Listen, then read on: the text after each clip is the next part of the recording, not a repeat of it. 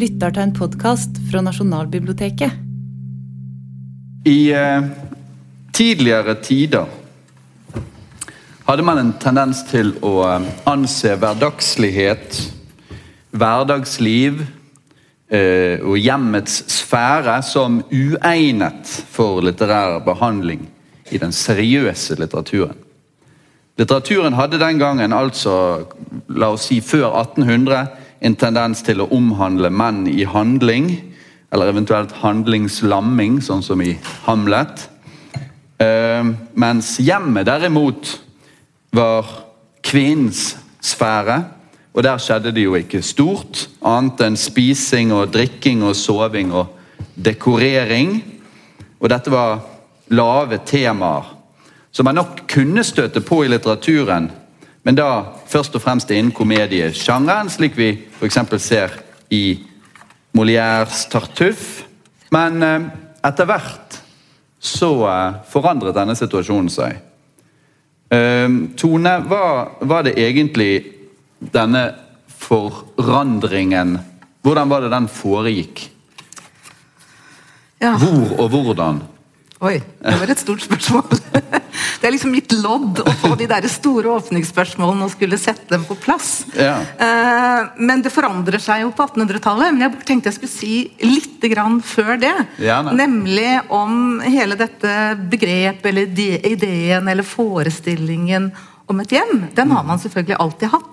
Men som du sier, så skjer det noe på et visst, visst tidspunkt i litteraturhistorien at hverdagslivet så å si entrer scenen. Først og fremst i romanen, og det er jo fordi at romanen blir hverdagslivets sjanger på 1800-tallet. Men også i dramatikken. Vi kjenner det jo fra Ibsen og Bjørnson f.eks.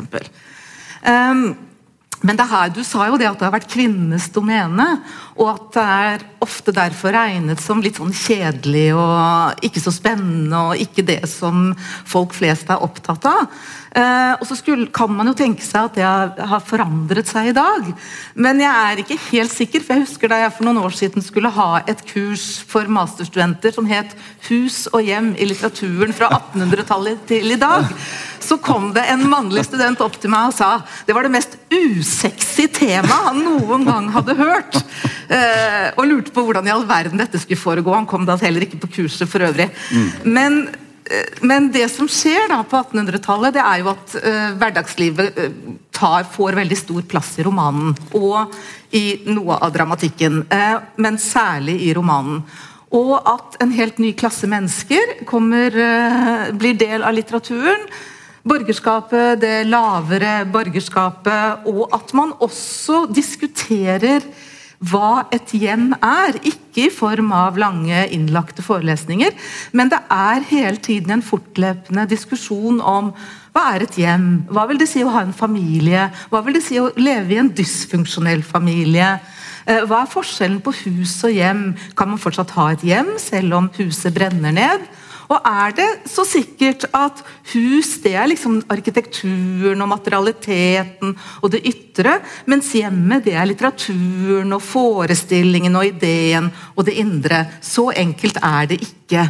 Det viser seg jo hele tiden, og det ser vi jo hos forfattere som Dickens, og vi ser det hos forfattere, som Balzac og Flaubert. Vi ser det i den store 1800-tallsromanen, men vi ser det også f.eks. Hos, eh, hos Ibsen. At hjemmet er motiv, det er setting, og det er det som genererer handling. Men det er også eh, tankestoff. Akkurat som det er i marerittsbøker, så er det jo mye mer enn bare liksom en ramme for det som skal foregå. Det er del av tankestoffet, det som skal undersøkes. Og Derfor er det morsomt å se hvordan mye av det som kom på dagsordenen på 1800-tallet, fortsatt diskuteres i litteraturen i dag. Altså Danske Helle Helle hadde jo en roman for noen år siden som het 'Hus og hjem'. Skal ikke si noe mer om den, bare nevne den. Og Hanne Ørstaviks 'Like sant som jeg er virkelig' har jo en sånn forestilling om tunet hele tiden. At hvis, ba, hvis vi bare får realisert denne ideelle familiesituasjonen i form av et tun, som både er arkitektonisk, men også er det perfekte familielivet, så vil alt bli bra. Og det er vel nettopp det som eh, preger En holdning som preger din siste roman, som altså heter 'Gratis og uforpliktende verdivurdering, nemlig at når de bare får drømmehuset, så skal alt falle på plass. Men hjemmet har jo i dine bøker eh, vært en, et gjenganger. Både hjemmet og eiendomsmekleren har jo stått sentralt. Eh, hva er grunnen til det, tror du? Uh, nei, altså det er jo Ja, jeg har vel en sånn litterær softspot for eiendomsmegleren. som, uh, som, er en sånn karakter som de fleste av oss uh, kommer borti på et eller annet tidspunkt. I faktisk ganske dramatiske avgjørende faser i livet, så møter en disse litt uh, aparte figurene som skal, som skal gi oss uh, råd på veien. Ja, nei, men jeg tror, jeg tror For det første altså Jeg vil bare si det nå, sånn som det har utvikla seg, så er jo nettopp hjemmet blitt et sted som forener de mannlige og de kvinnelige interessene på en måte som vi ikke har gjort før. Fordi at hjemmet også er blitt et sted der man kan øke vanlige folk kan øke verdiene sine. Og det er jo mm. menn veldig interessert i. Mm. Sånn at, eh, sånn at eh, Kvinner også, men det har en sånn felles du kan snakke, Jeg kan snakke like engasjert med både menn og kvinner om boligkjøp. Det er liksom ja. universelt. Det er det vi kan snakke om i dag. Mm. Sånn at det er ikke lenger Men vil du da si Vil du da gå så langt som oss til å si at hjemmet ikke lenger er kvinnens domene? Ja, nei, det er det jo absolutt ikke. Også fordi at de eh, menn er kommet veldig sånn på banen når det gjelder sånn design. og det er jo Hjemme er jo et sted der man både skal vise hvem man er for omverdenen, eh, og det skal være et sted som man skal realisere alle sine drømmer og ansvar for barn og familie. Og det, skal også være et sted, og det er også et sted der man skjuler seg. Ikke desto mindre så eh, Som leser av din siste roman, så vil jeg jo si at det er jo kvinnen som er totalt besatt av dette, denne boligdrømmen. Og, dette, eh, og som også vemmes så ekstremt ved, det, ved liksom det eh, leiligheten som hun føler de har vokst fra, det, og som de må ut av for enhver pris. Mm. Mens mannen er mer sånn Whatever happens. Ja, akkurat i den uh, romanen så er det sånn, men i virkeligheten så, så, så, er jo ofte menn like opptatt av dette med design og altså, hva som altså, og også like opptatt som kvinner av å vise seg. og Uh, sjekke, sjekke hva nabohusene går for, for å vise hvor verdi sin eget hus står i. Og, uh, sånn at, men, men, dette er jo en litt sånn annen problematikk, at hun er den drivende kraften i, i forholdet på, på, flere områder. Absolutt. Det står et sted i den romanen at familie er ingen garanti for fellesskap. Mm. Eh, og sånn at Der ser vi også hvordan liksom når vi En gang vi snakker om hus, hjem, forskjellen på hus og hjem, likheten mellom dem, så kommer spørsmålet om familie opp. Mm. Hva er en god familie, hva er en dårlig familie, hva utgjør en familie? Altså At alt dette ligger samlet i dette motivet hjem. da Mm. Og Du sa at det har vært kvinnens domene. Det er jo for så vidt riktig, men noe av det som er påfallende i den litteraturen som, som liksom eksplisitt begynner å diskutere hjemme, det er jo, er jo, at det er mannlige forfattere, ikke minst, som tar det opp. altså Også kvinnelige. Jeg hadde bare lyst til å lese ett eksempel. Jeg skal ikke drive og lese lange eksempler, men jeg tenkte på ett eksempel som alle her kjenner. Det er nemlig fra Gjengangere. Eh, og som tar det opp veldig tydelig, syns jeg. Og det er da pastor Manders og Osvald og fru Alving som diskuterer Osvalds liv i Paris. Og så Pastor Manders syns veldig synd på Osvald, for han kom tidlig ut i verden. Eh, han har blitt, blitt 6-27 år gammel og aldri fått anledning til å lære et ordentlig hjem å kjenne om forlatelse er pastor, der tar de aldeles feil, sier Osvald. Pastor Mandert så jeg trodde de hadde ferdes også så godt utelukkende i kunstnerkretsene. Det har jeg også. Og så fortsetter diskusjonen. Eh, og så sier Osvald det er atskillig av dem som ikke har råd til å gifte seg. Ja, det er jo det jeg sier. Og så sier Osvald men de kan jo derfor ha et hjem. Og de, ha, de har også en og annen. Og også et meget ordentlig og et meget hyggelig hjem. Og så sier pastor Manders men det er jo ikke et ungkarshjem jeg taler om. Ved et hjem forstår jeg et familiehjem hvor en mann lever med sine hustru og sine børn. Mm. Altså Der har man liksom hele diskusjonen i kortform mm. av hva utgjør et hjem, og kan liksom én person være et hjem? Kan eh, kunstnerkretsene være et hjem? Eller må det være barn? Og der tror jeg Den diskusjonen den kommer jo i din bok også, mm. bare på en annen måte. Ja, men Det som eh, Marit antyder, er jo det at virkeligheten er mer progressiv enn hennes roman. I hennes roman er det, flere, er det fremdeles kvinnen som er mest opptatt av hjem, mens hos, eh, hos eh, jeg, jeg, tror nok, jeg tror nok eh, altså uten å generalisere, men jeg tror nok at den drivende kraften i de fleste familier fortsatt er kvinner. altså.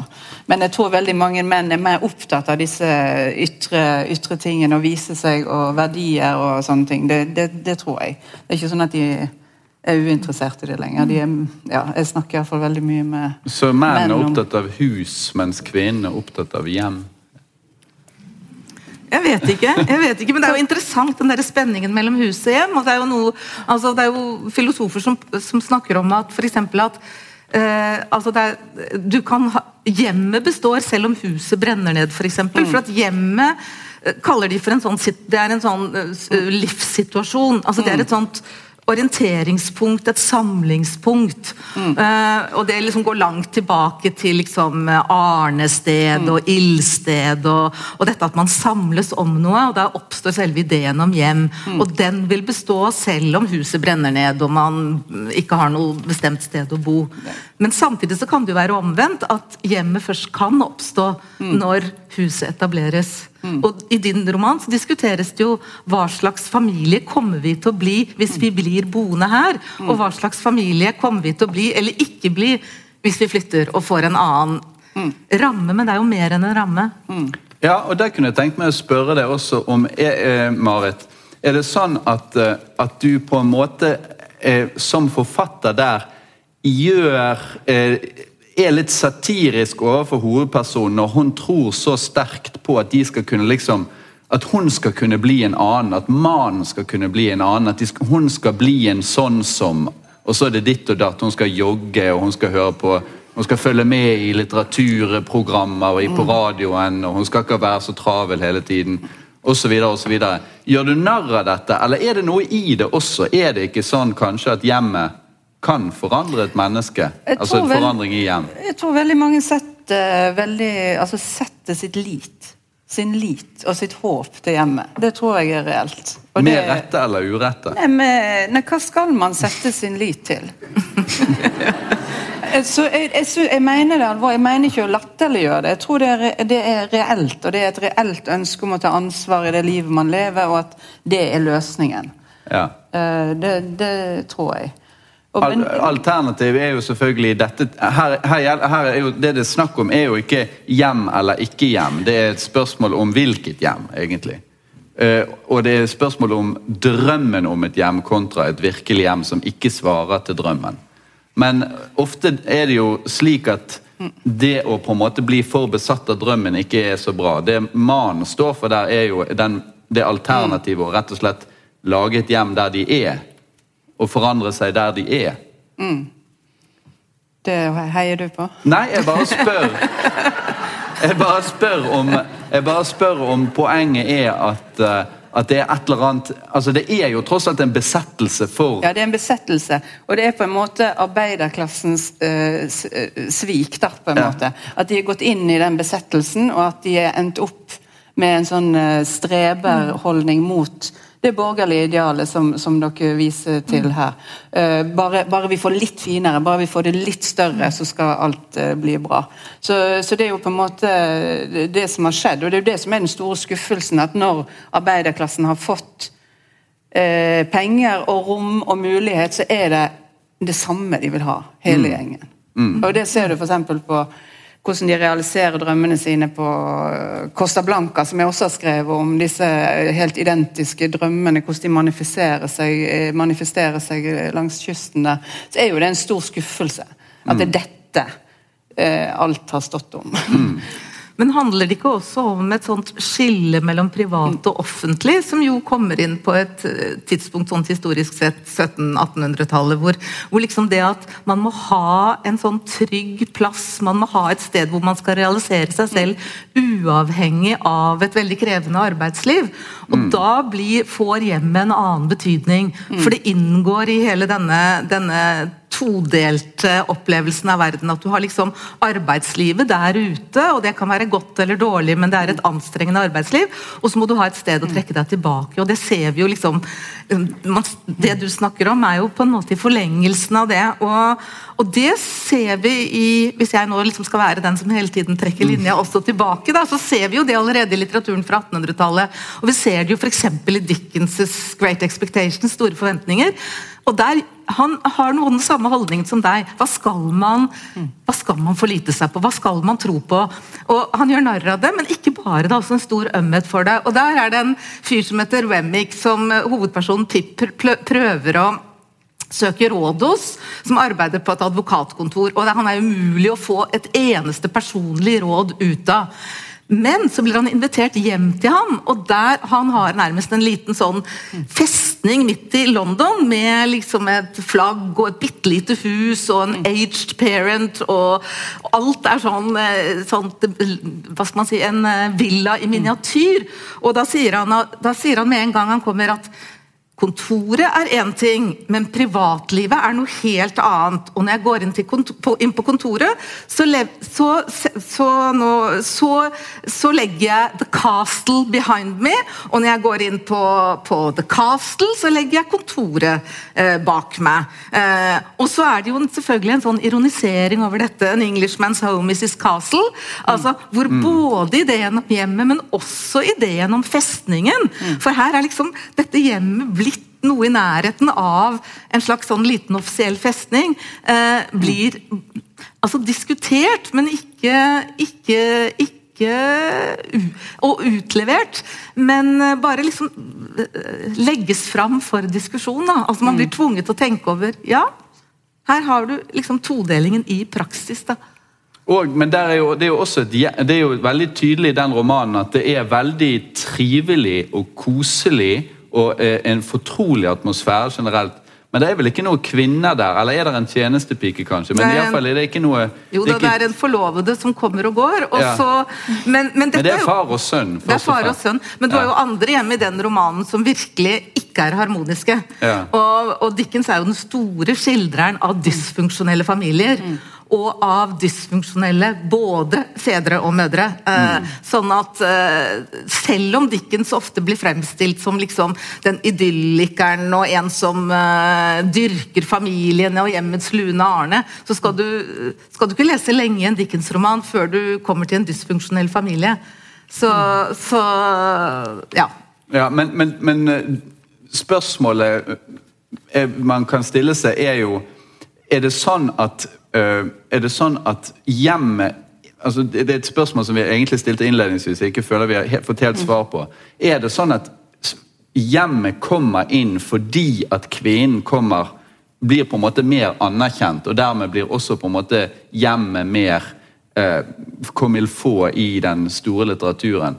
Jeg mener fremdeles i, på, på, på 18, rundt 1880 så var det jo sånn at anmelderne var rasende hvis eh, Ibsen eller Bjørnson hadde spise- og drikkescener mm. i, i eh, skuespillene sine, i Aftenposten og Morgenbladet utelukkende eh, rasende for det. For det hørte bare ikke mm. noen steder hjemme. Mm. Uh, mens hos Dickens så er vel det kanskje allerede kommet inn ja, og det kom jo inn allerede ved, altså ved forrige århundreskifte, altså overgangen 1700-1800-tallet med Jane Austens romaner. Ja. Eh, og hun får jo en anerkjennelse, men litt sånn ambivalent. Mm. og det er klart, fremdeles er jo det Eh, stort sett eh, først og fremst kvinner som leser Jane Austen. Og, og nettopp den litt sånn sarkastiske, stillferdige, sarkastiske dissekeringen av den, av de, de borgerlige og, de, sånn, de, og, idealene om å komme seg opp og fram. Eh, og ekteskapets betydning, f.eks., mm. eh, er jo liksom Går jo igjen i alle disse eh, tekstene, men ja det er, jo, det er, jo, både kjønn og sjanger. For du, mm. det, det, jo, det, var jo sånn på slutten av 1700-tallet at, at, romaner var stort sett noe kvinner holdt på med. Det var i fall en ganske alminnelig holdning. Mens, mens uh, poesi det var den maskuline sjanger. Shelley skriver dikt, altså Percy Shelley skriver dikt, og Mary hun skriver roman. Eh, sånn at eh, Det at romanen da plutselig tar helt over, for det viser seg bare at det er rett og slett et overlegent medium for å skildre Ja, men Det blir jo også et massemedium. Det blir jo det Ja. første massemediet vi har. som I et sånn kort kort historisk vindu så har det jo ikke noe konkurranse av noe annet. altså Når romanen er, blir bok, og, og distribusjonen av papir og sånn går mye mye fortere på 1800-tallet, så, så, er, så når den ut til helt nye grupper. Og det er ikke så rart at liksom hverdagslivet rykker inn, og, og det, de alminnelige hendelsene rykker inn, og de store historiske begivenhetene blir skjøvet i bakgrunnen. For det er jo også et kommersielt aspekt her. Den, den retter seg selvfølgelig til kvinner. Kvinner er, har, begynner å, få, å kunne lese i mye større grad. Eh, leseferdigheten øker, selv om det fortsatt er en del analfabeter. Og publikummet blir et helt annet. Så du har liksom det kommersielle aspektet òg. Pluss at den publiseres jo i fortløpende følgetonger. Ergo må den liksom holde lesernes oppmerksomhet ved like for å kunne fortsette. Og så byr den på gjenkjennelse. Mm. Men jeg bare tenkte på det med hjemmet, om det har eh, sammenheng med, med kvinnens eh, økte betydning. Og så, så, så ser du også framstilling, framstilling hjemme er jo bare blitt mer og mer eh, kjønnsløst, egentlig. Jo mer eh, populært det er blitt, og jo mer, eh, altså, jo mer verdi det, det har eh, fått på, på markedet. Så, eh, min første roman 'Mellom oss sagt' det handler om eh, Regine Hansen. Hun har som hobby å gå på husvisninger. Det er hennes, det, altså, det er en sånn dragning hun har mot å gå lese Finn-annonser, og så gå på visninger og føle, og føle en slags kontakt med de livene som har vært levd i disse husene før. Altså Det er en form for søken etter et eh, fellesskap eh, i, i disse husene. Men, men den gang, i 2006, når den romanen kom, så var jo, da var jo husene forskjellige. Men nå er jo alle husene helt like, og alle spiser helt sykt mye lime. Alle har destillerte kjøkkendisker, og det er helt Det er sånn de vil selge, og det er sånn de vil men, men innredningen og er fortsatt kvinnenes domene, er ja, det ikke det det? er allikevel likt. Det er, nå, nå er, og hvis, altså det er mer og mer helt likt i forhold til designlamper og noe retro og noe øh, ja, litt sånn en fin miks av Smaken er liksom helt lik.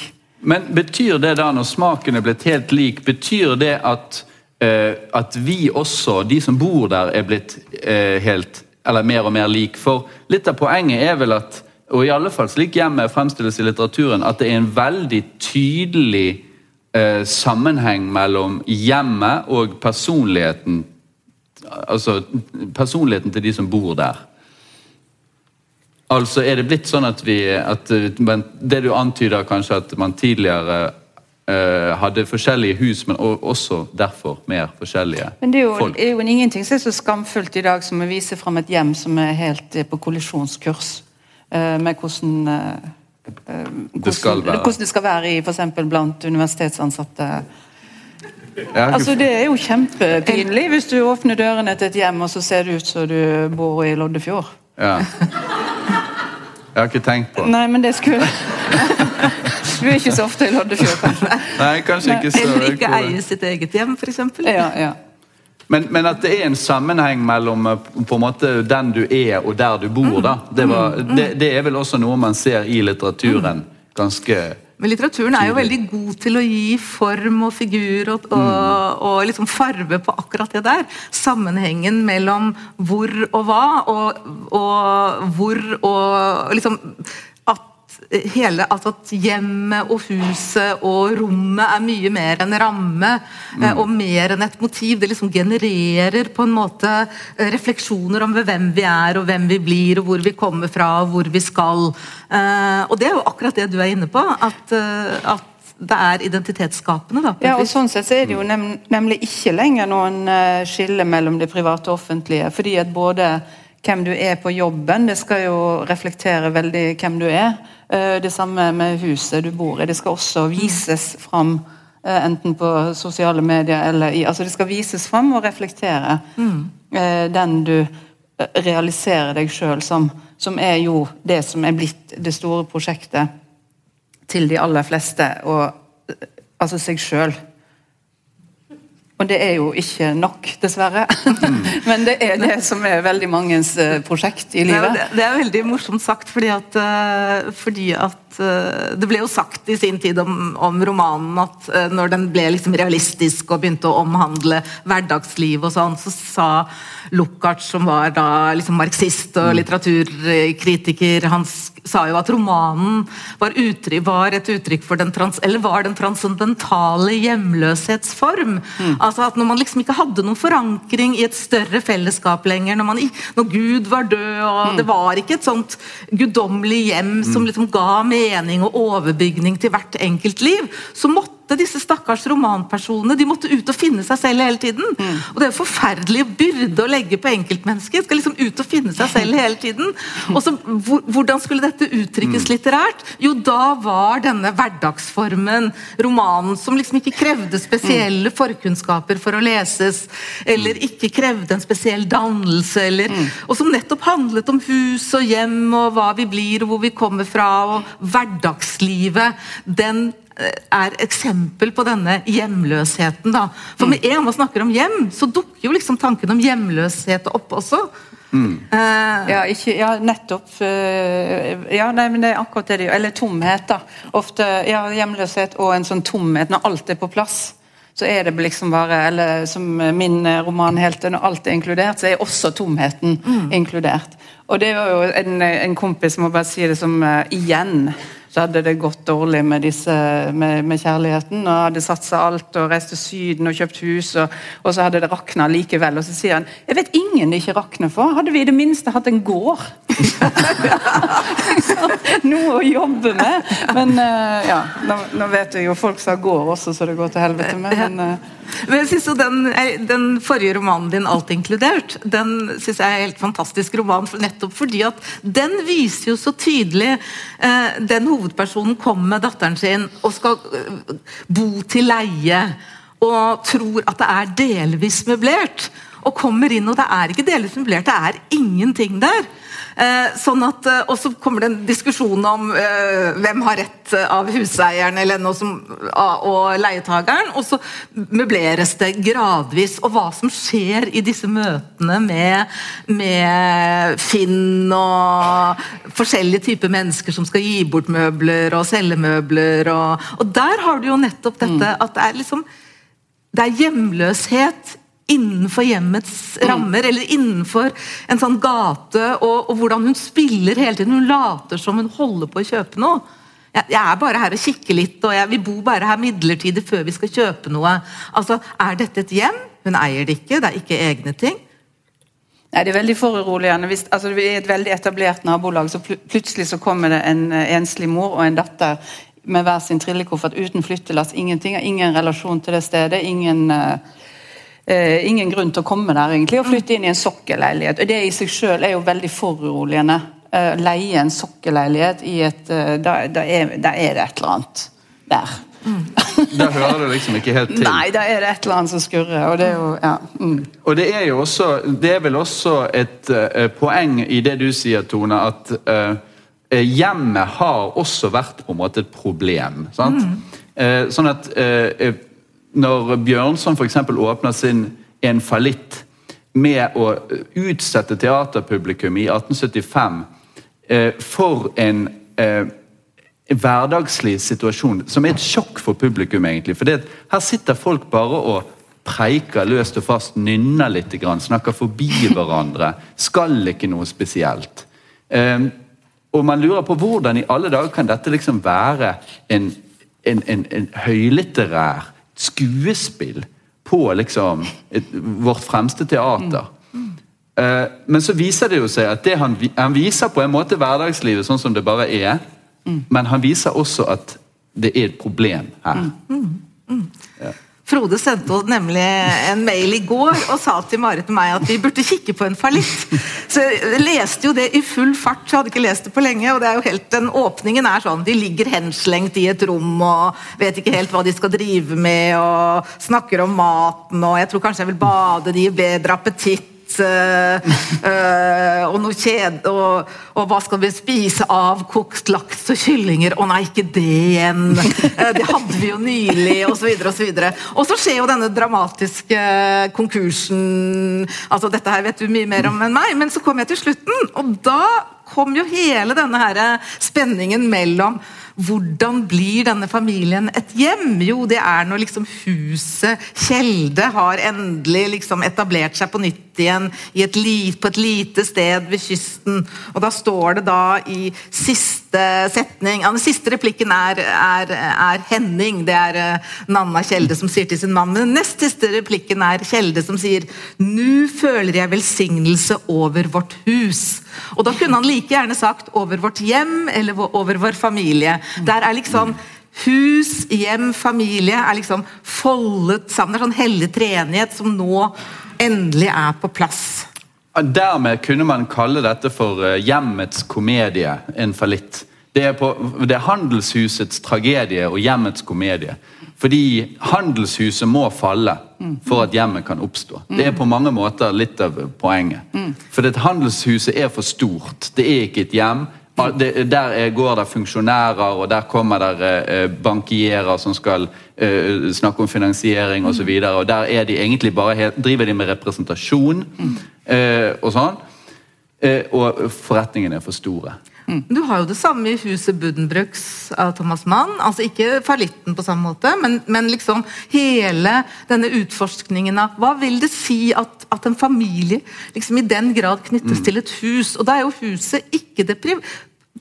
samme måte det private Nei. huset, sånn som vi tenker på det, men representasjonshuset. Mm. Og Garman og Vorse eksempel, er Kielland. Har du også liksom forretningsdynastiet. Og så har du alle de spenningene og konfliktene som foregår i familiene innenfor dette dynastiet.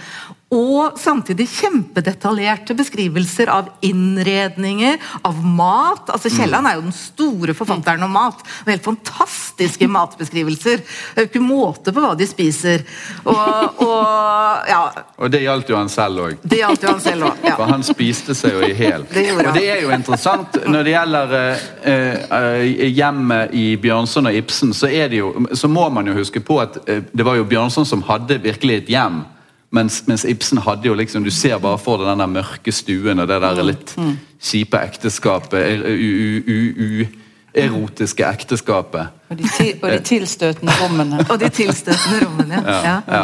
Men man har jo diskutert det også i forhold til f.eks. byggemasse. Altså, for, altså, det er en uh, veldig morsom bok som heter 'Apartment Story', av en som heter Sharon Marcus. Uh, Eh, det er en akademisk studie, så den er ikke, den er ikke morsom, hele boka. Men den, hennes hovedpoeng er at, eh, er at, hvis man sammenligner f.eks. Dickens og Balzac, da, så, så, i Paris så bodde de i, liksom i, ja, altså i apartments, altså i, i, leiligheter hver for seg. Og Det var liksom den urbane byggestilen som vi kjenner i dag.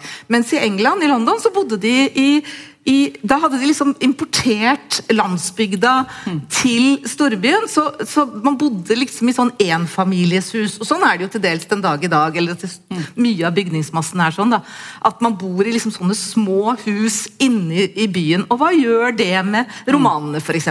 Mm. Jo, det gjør at hvis du går til Balzac Se på åpningen av Fargård i Å. Det er ikke et privathjem der. De kommer fra noen mm. privathjem, men de er, når de er kommet til byen, så er privathjemmet helt forlatt. Mm. Og da er det dette pensjonatet, og der bor de liksom eh, i forskjellige rom. Gode mm. og dårlige. Hele pensjonatet er jo ganske dårlig. Og han stakkars far Goriot, han, hans utvikling er liksom den motsatte av den sosiale utviklingen. mens liksom, altså Han begynner på bunnen eh, i huset, men på toppen sosialt. Og så flytter han oppover i huset ettersom han faller sosialt og får mm. mindre og mindre penger. Og til slutt så dør han nesten i toppen av huset da, når han er helt på bunnen sosialt. sånn at mm. bygningsstrukturen blir, står i motsetning til den sosiale strukturen. Og så har du liksom de fine salongene og alt det på høyre bredd.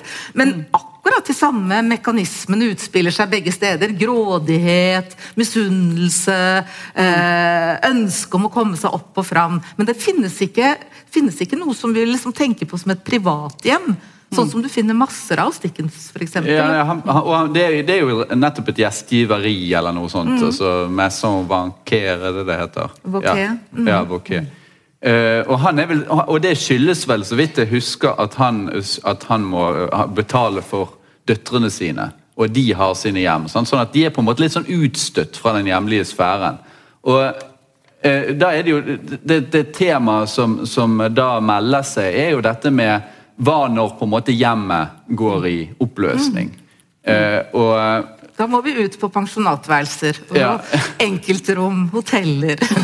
Og det er jo veldig ofte um, eh, svært traumatisk uh, når på en måte hjemmet går i oppløsning. Da går familien i oppløsning, og da går ofte til og med sjelen i oppløsning. Du nevnte um, et, eh, denne boken av hun her, Elena Ferrante, 'Svikne dager'. Der er det vel noe sånt som skjer at at, at eh, Ja, det er liksom alt et sånn- ryker. på ja, et sånn massivt sånn meningstap uh, som også gjenspeiler seg i skildringene av hjemmet, hvordan ting liksom ikke virker lenger. og ja, altså hvordan hele Jeg husker ikke så godt, altså, men det er et eller annet med den låsen i døra som ikke får det til å fungere lenger. De blir stengt inne eller blir stengt ute. og Det er veldig sånn eh, det er en veldig veldig god eh, roman, syns jeg, om eh, meningstap. Og det er disse tre som blir igjen etter at mannen har forlatt dem, altså mor og to barn, blir sittende igjen i denne her nitriste leiligheten. Som Ja. nok ikke var så trist eh, før, før dette skjedde, da. Så, så, så familien i oppløsning, det blir egentlig viser seg at det, det, det går også hjem i oppløsning. Selv om de fremdeles sitter på samme stedet. Så har de ikke lenger et hjem. Tingene funker ikke. De blir. Mm. på en måte ja, låst inne også, så vidt jeg husker. Ja, ja, ja, det er ikke sant. Det er det de, det er det de gjør. Uh, mm.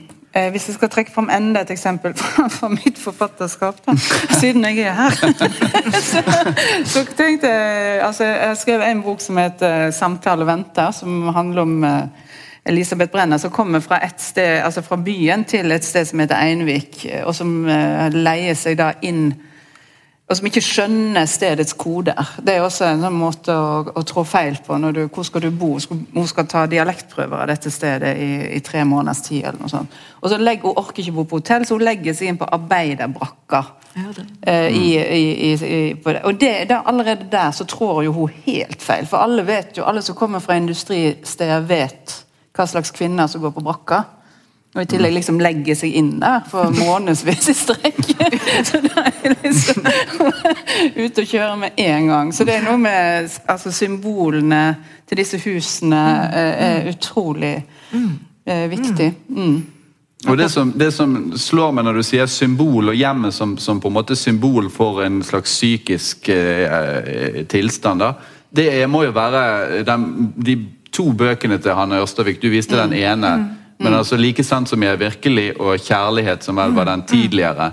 Hvor, hvor du har en veldig tydelig på en måte i, i, i, in, inversjon, sier man på fint. Altså, I den første, i kjærlighet, så er problemet mangel på kjærlighet, morskjærlighet og utstøtning. Altså Gutten er ute i vinternatten med loddboken sin, kommer ikke inn, sovner på trappen. I Like sant som jeg er virkelig, så er hjemmet noe som på en måte omslutter med en svært sånn klam, moderlig eh, omfavnelse da, i jeg-personen. Ja, det blir jo vel fysisk stengt Johanne. Ja, og den starter jo sånn Jeg kommer ikke ut. Noe må ha skjedd med låsen. Jeg må vente til mamma kommer hjem fra jobben, så hun kan hjelpe meg. Og det, Da skal hun ha reist, skal hun egentlig reise om morgenen til USA med kjæresten sin, og så har moren stengt henne inne. Og så skjønner man etter hvert at hun kunne nok ha kommet seg ut på et eller annet vis om hun hadde villet det, men hun er så fanget i denne her eh, mor-datter-symbiosen at det blir veldig vanskelig. Og så kommer det sånne, sånne mareritt om hva som kunne ha skjedd. Hun ser for seg selv som, som 40-åring i Los Angeles, sittende og drikke gin midt på formiddagen. Og der kommer disse kvinnestereotypiene eh, veldig sterkt inn. At hun ser for seg i en eller annen forstand som en helt sånn oppløst kvinne. Og det som skal redde henne, da, det er drømmen om tunet. Det er familiehjemmet. Og det er liksom runde vinduer, og det er klematis og, og blå, alle mulige for, og former for blomster. Og, og dette her er trygge, gode altså Det er liksom hele drømmen om den borgerlige familie. Som skal stå som et bolverk mot oppløsningen. Og som de jo selvfølgelig ikke gjør. Og moren er da helt egentlig sammensmeltet med dette huset. Altså det er liksom eh, hun, hun, Morsfiguren opptrer i, i form av hjem, hjem, et hjem som slutter seg om henne. Og, og, og litt av problemet der er vel også da at hun da ikke eh, Altså, hun gir på en måte avkall på å realisere seg selv som elskende, erotisk forstand eh, kvinne. Fordi hun eh, trekker seg tilbake nærmest i, i livmoren, da. Jeg tenkte på et annet eksempel med hun Nina Lykke, faktisk. Mm. eh, Som har skrevet en oppløsningstendenser, blant annet. Og der handler det om et sånn veldig sånn godt mentalt bilde på eh, hvordan veldig mange har det i- med sine hjem. Eh, Det der med at når hun var sammen med sin mann fremdeles, så, eh, så var det alltid noe som murr... Det var alltid noe som skurra, liksom. Alltid skurre, alltid et eller annet. Altså, den rødfargen på det teppet sto ikke helt til den gråfargen på, på sofaen. Altså alltid den murrende følelsen av at noe var feil. Aldri, bli, aldri helt. Og så når hun blir forlatt og har svidd av alle pengene på en eh, gal mann, så sitter hun igjen med egentlig samme intensitet i det å klare, og, og lidenskap egentlig som hun før hadde for å oppnå det perfekte, som nå for å klare seg på ca. 30 kroner dagen, eller hva det er. Men sa- det er samme type eh, drive. Det syns jeg var interessant. Det er det Og samme. du, og du ser jo også disse Apropos du spurte om kjønnsdimensjonen. altså, disse, eh, altså Hvis man liksom beveger seg i, til den fasen mellom nå og 1800-tallet, altså hele liksom den, den modernismen og de mer sånn eksperimentelle romanene og de kvinnelige modernistene, så flytter de jo ut og drar til storbyene og bor på hotellrom. Eh, og er veldig klart i en sånn eh, Akkurat som hun i brakka hos deg. altså I sånne mellomposisjoner. og Du ser det hos Cora Sandels Albert også, f.eks. Altså, de blir tatt for å være prostituerte. De er ikke prostituerte. De bor på dårlige hotellrom. De driver og bytter rom hele tiden. Eh, det gjelder Jean Rises uh, kvinner, det gjelder Cora Sandels Alberte, som sikkert mange her har lest om. Altså, de prøver seg nye steder, fordi jeg tenker med en gang jeg får et nytt rom, så skal tingene bli bedre. Og så er det Rommene er de samme overalt. Det er ingen forskjell. Det er bare en sånn evig gjentagelse. Ja, Det er jo dette med hjemmet som ekspressivitet. At du på en eller annen slags måte gjennom der du bor for, skal uttrykke deg på en eller annen slags måte. Du skal uttrykke hvem du er. Og da er det jo selvfølgelig noe Du er jo en annen person hvis du bor i Paris på et rom eh, på et hotellrom der, enn hvis du da bor eh, i Nord-Norge i en, eh, ja, et borgerlig, borgerlig hjem der. Men det, det som jeg prøver på, i fall med den siste romanen, har jo nettopp vært det at de skal kjøpe dette nye drømmehuset. Så går de gjennom det siste døgnet før budrunden åpner, så går de gjennom prospektet, liksom rom for rom for rom. for mm. er, dette, er det dette vi vil ha? Er det sånn? Er det sånn? Altså det som det egentlig, det de egentlig gjør, er jo å, å vurdere sitt eget samliv mm. Ja.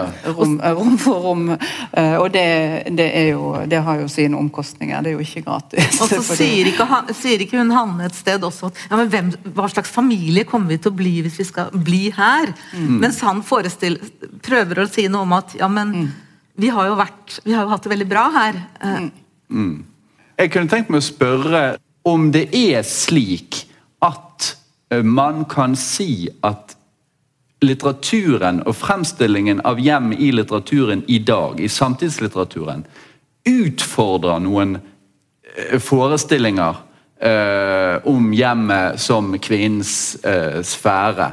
Eh, det, det finnes jo et eventyr eh, som dere kanskje husker som heter 'Mannen som skulle stelle heime'. eller noe sånt. Eh, som er bare, så er rett og slett bare å drive gjøen med 'selvfølgelig kan ikke mannen stelle heime'. Men men fins det egentlig så mange eksempler på at mannen steller hjemme i, i norsk samtidslitteratur? Ja, han steller jo hjemme, han Andreas, i din siste Ja, han steller hjemme, tar jo ansvar. Hun orker jo ikke disse leggingene. Nei, det det men, det, men hun snur seg jo vekk i avsky når hun ser at han liksom legger driver og, og klær, altså bretter klær og legger feil. Ungene sine klær i helt feil bunke. Da bare snur hun seg vekk i avsky. Det er det verste. For, det, for henne så ligger det så mye omsorg i å ha kontroll på disse tingene. Ja. Mens for han er det samme det.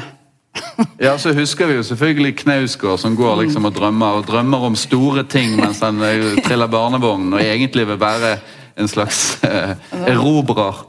Han vil egentlig erobre verden, men han, han, må, han må gå Men det har han jo gjort. Ja, men fordi han kom på noe genialt.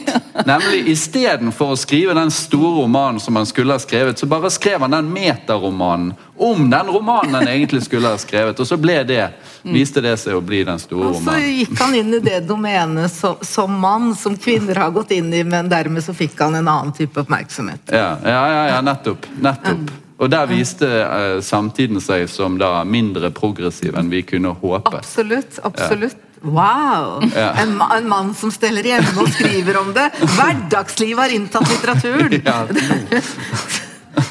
egentlig så er jo, handler jo nesten all litteratur altså Noe av handlingen i all litteratur er jo i altså Kommer du på noen der det ikke hjemmet er Nei. present i det hele tatt? liksom? Det, det kommer jeg til å tenke på. Jeg tror bare ikke vi har tenkt så mye på hvor til stede det er i litteraturen. da.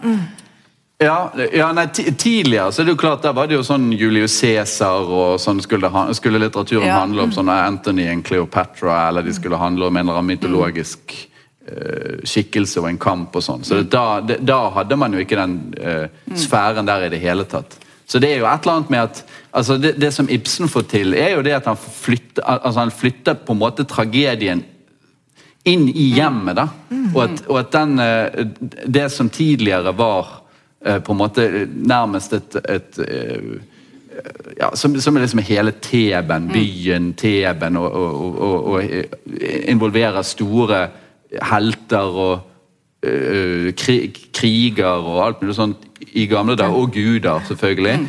Eh, Det foregår nå hos Ibsen inne i den borgerlige stuen. Og det foregår i dag i romanen. Ja. Og, og også i stor grad liksom, på Ibsens samtid i romanen. Jeg, på, jeg prøver å tenke på ting jeg leser nå. Jeg sitter akkurat nå og leser eh, Vita Andersens 'Indigo', som er innstilt til Nordisk rådspris fra Danmark. Eh, Ja. Historien om en barndom. Og hun skriver seg inn i i den, eh, inn i den, eh, det vi har sett mye de siste årene. altså Sånne selvbiografiske uh, skildringer av eget liv.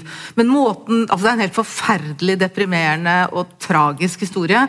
Veldig god, men, og hun er jo et, altså, et ekstremt forsømt barn og mishandlet. Og, og, men det handler utelukkende om familie og hus og hjem. Og i veldig stor grad om de fysiske betingelsene også.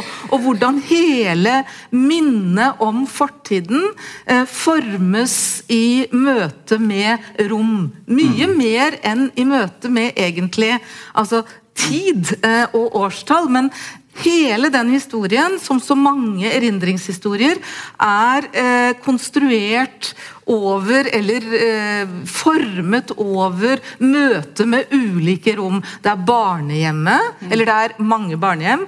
Det er, det er moster og onkel, eh, hvert fall, altså særlig ett par moster og onkel, og det er moren som blir flyttet på hele tiden. Og det er en historie om omsorgssvikt fra ende til annen. Det er en helt forferdelig historie. Eh, Men det er helt umulig å tenke seg den historien uten å tenke seg hjem, hus, familie. Altså den derre treenigheten. Eh, hele minnestrukturen er bundet opp til en sånn type romlig mm, tankegang. Eh, det gjelder jo for så vidt Knausgårds eh, bøker også. Og det er veldig vanskelig for å forestille meg særlig disse her memo mer sånn memoarlignende romanene som det er mange av nå. eh, er man tenker jo ofte på det i sånne tidsmessige termer, men de er jo i veldig stor grad sånn romlig organisert. Er kny minnene er knyttet til steder og til rom. Men nå, når vi har snakket nå, så har vi jo hele tiden på en måte tatt det for gitt at det er en bra ting at hjemmet nå står så sentralt. Uh, og eh, det er en bra ting at dette nå løftes frem, selv om det er forsmedelig at det skulle skje uh, gjennom Knausgård og ikke Vigdis Hjorth, f.eks. Men, men, uh, men så er det jo Det som jeg satt og nemlig lurte på når jeg leste gjennom alle disse gamle anmeldelsene fra, fra 1800-tallet eh, av, av disse da, eh, først og fremst Bjørnsons stykker. Har de ikke også litt rett? ha, altså de Dette er jo dannede, dannede kritikere som, som kan, kan, estetikk og kan litteraturhistorien veldig godt. Eh, og de har jo tross alt noen poenger. Altså Poenget er jo eh, at trivialiteter i seg selv mm. hører jo ikke hjemme i litteraturen. Hvorfor i alle dager skal vi gå til litteraturen for å lese om trivialiteter? Så spørsmålet mitt er kort og godt kan det bli for mye hus og hjem? ja, det er klart kan. Ja, i hvert fall Hvis du tenker på hus og hjem utelukkende knyttet til det private. Men vi har jo også en idé om nasjonen som menneskets hjem. Hva, hva, hvor, for, hvordan forholder vi oss altså utover akkurat den private sfæren? Altså, den der, Ordet hjem har jo også veldig sånn sterke metaforiske assosiasjoner knyttet til seg.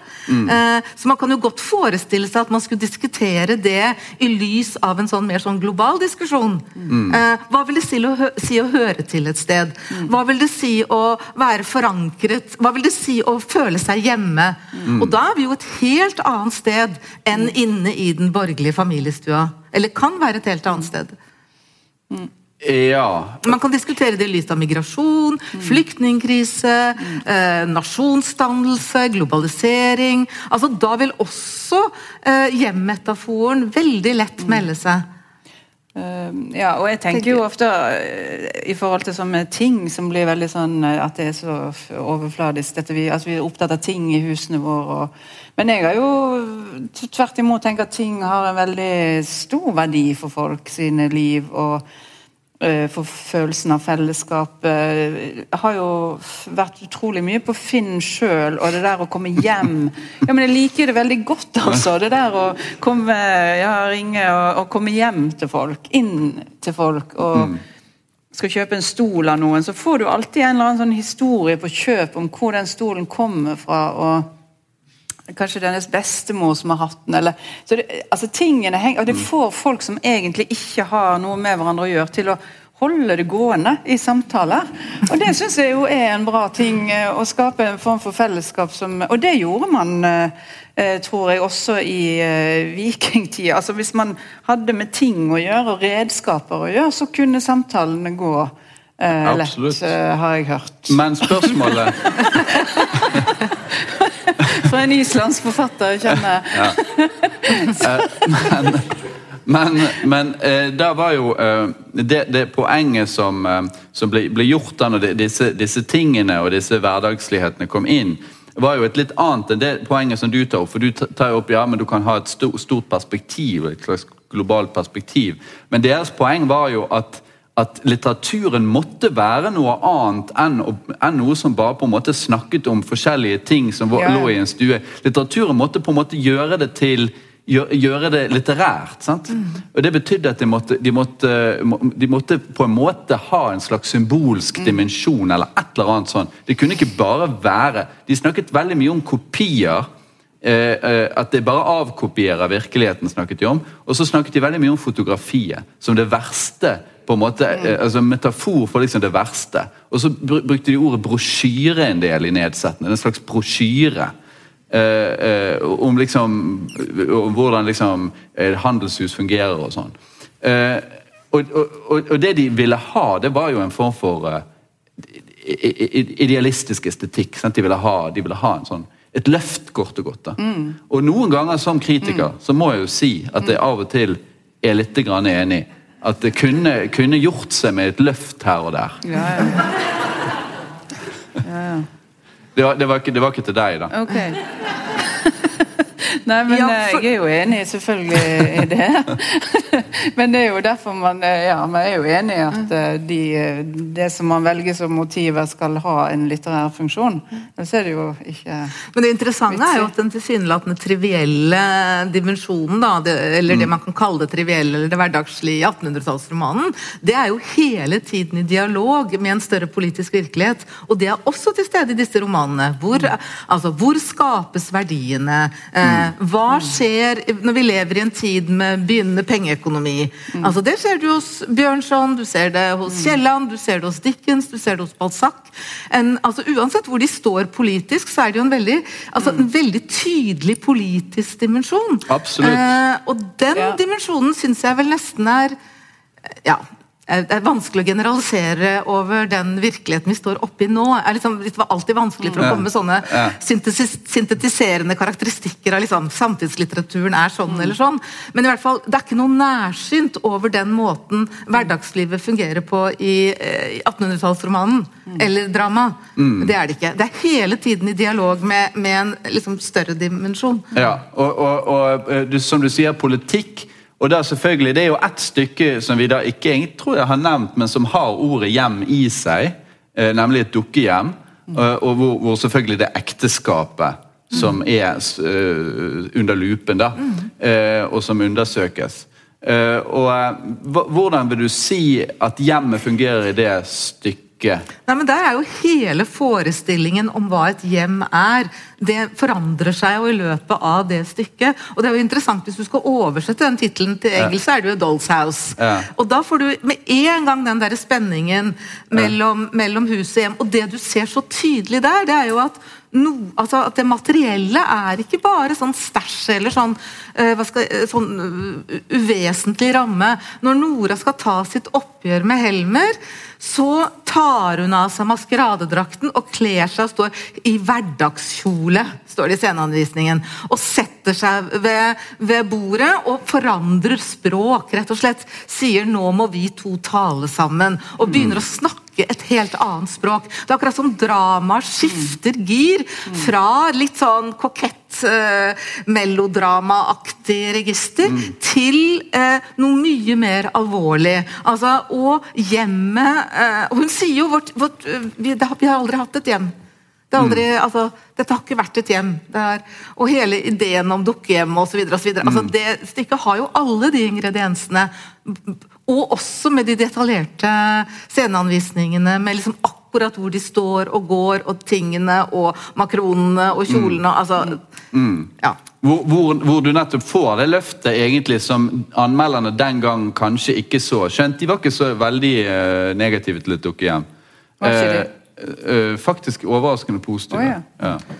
Og hva slutter, det, hva slutter dukkehjemmet med? Det er jo virkelig et oppgjør. Det er sånn lyden av en dør som slås i, går i lås. Ja. Altså bang! Det er liksom en ny tid som starter. Eh, ikke bare sånn, hadde jeg nær sagt, i kvinnefrigjøringsforstand, men det er, det er jo det er jo marsjen ut av, av borgerskapets lukkede stue og ut i den åpne verden, som man ikke aner, og man aner ikke hvor hun går. Så starter helt, slutter helt åpent. Eh, Brandes mente hun gikk til elskeren, Ja, good for her. Men eh, jeg, tror, jeg tror ikke det. Eh, jeg tror hun gikk ut i intet, ut i det umulige. Det er litt sånn som slutten av Brand, egentlig. Men vi er kommet til veis ende. Jeg håper dere har lært noe om hjemmet og litteraturen i løpet av denne samtalen. Og jeg vil gjerne da bare rett og slett takke for oss.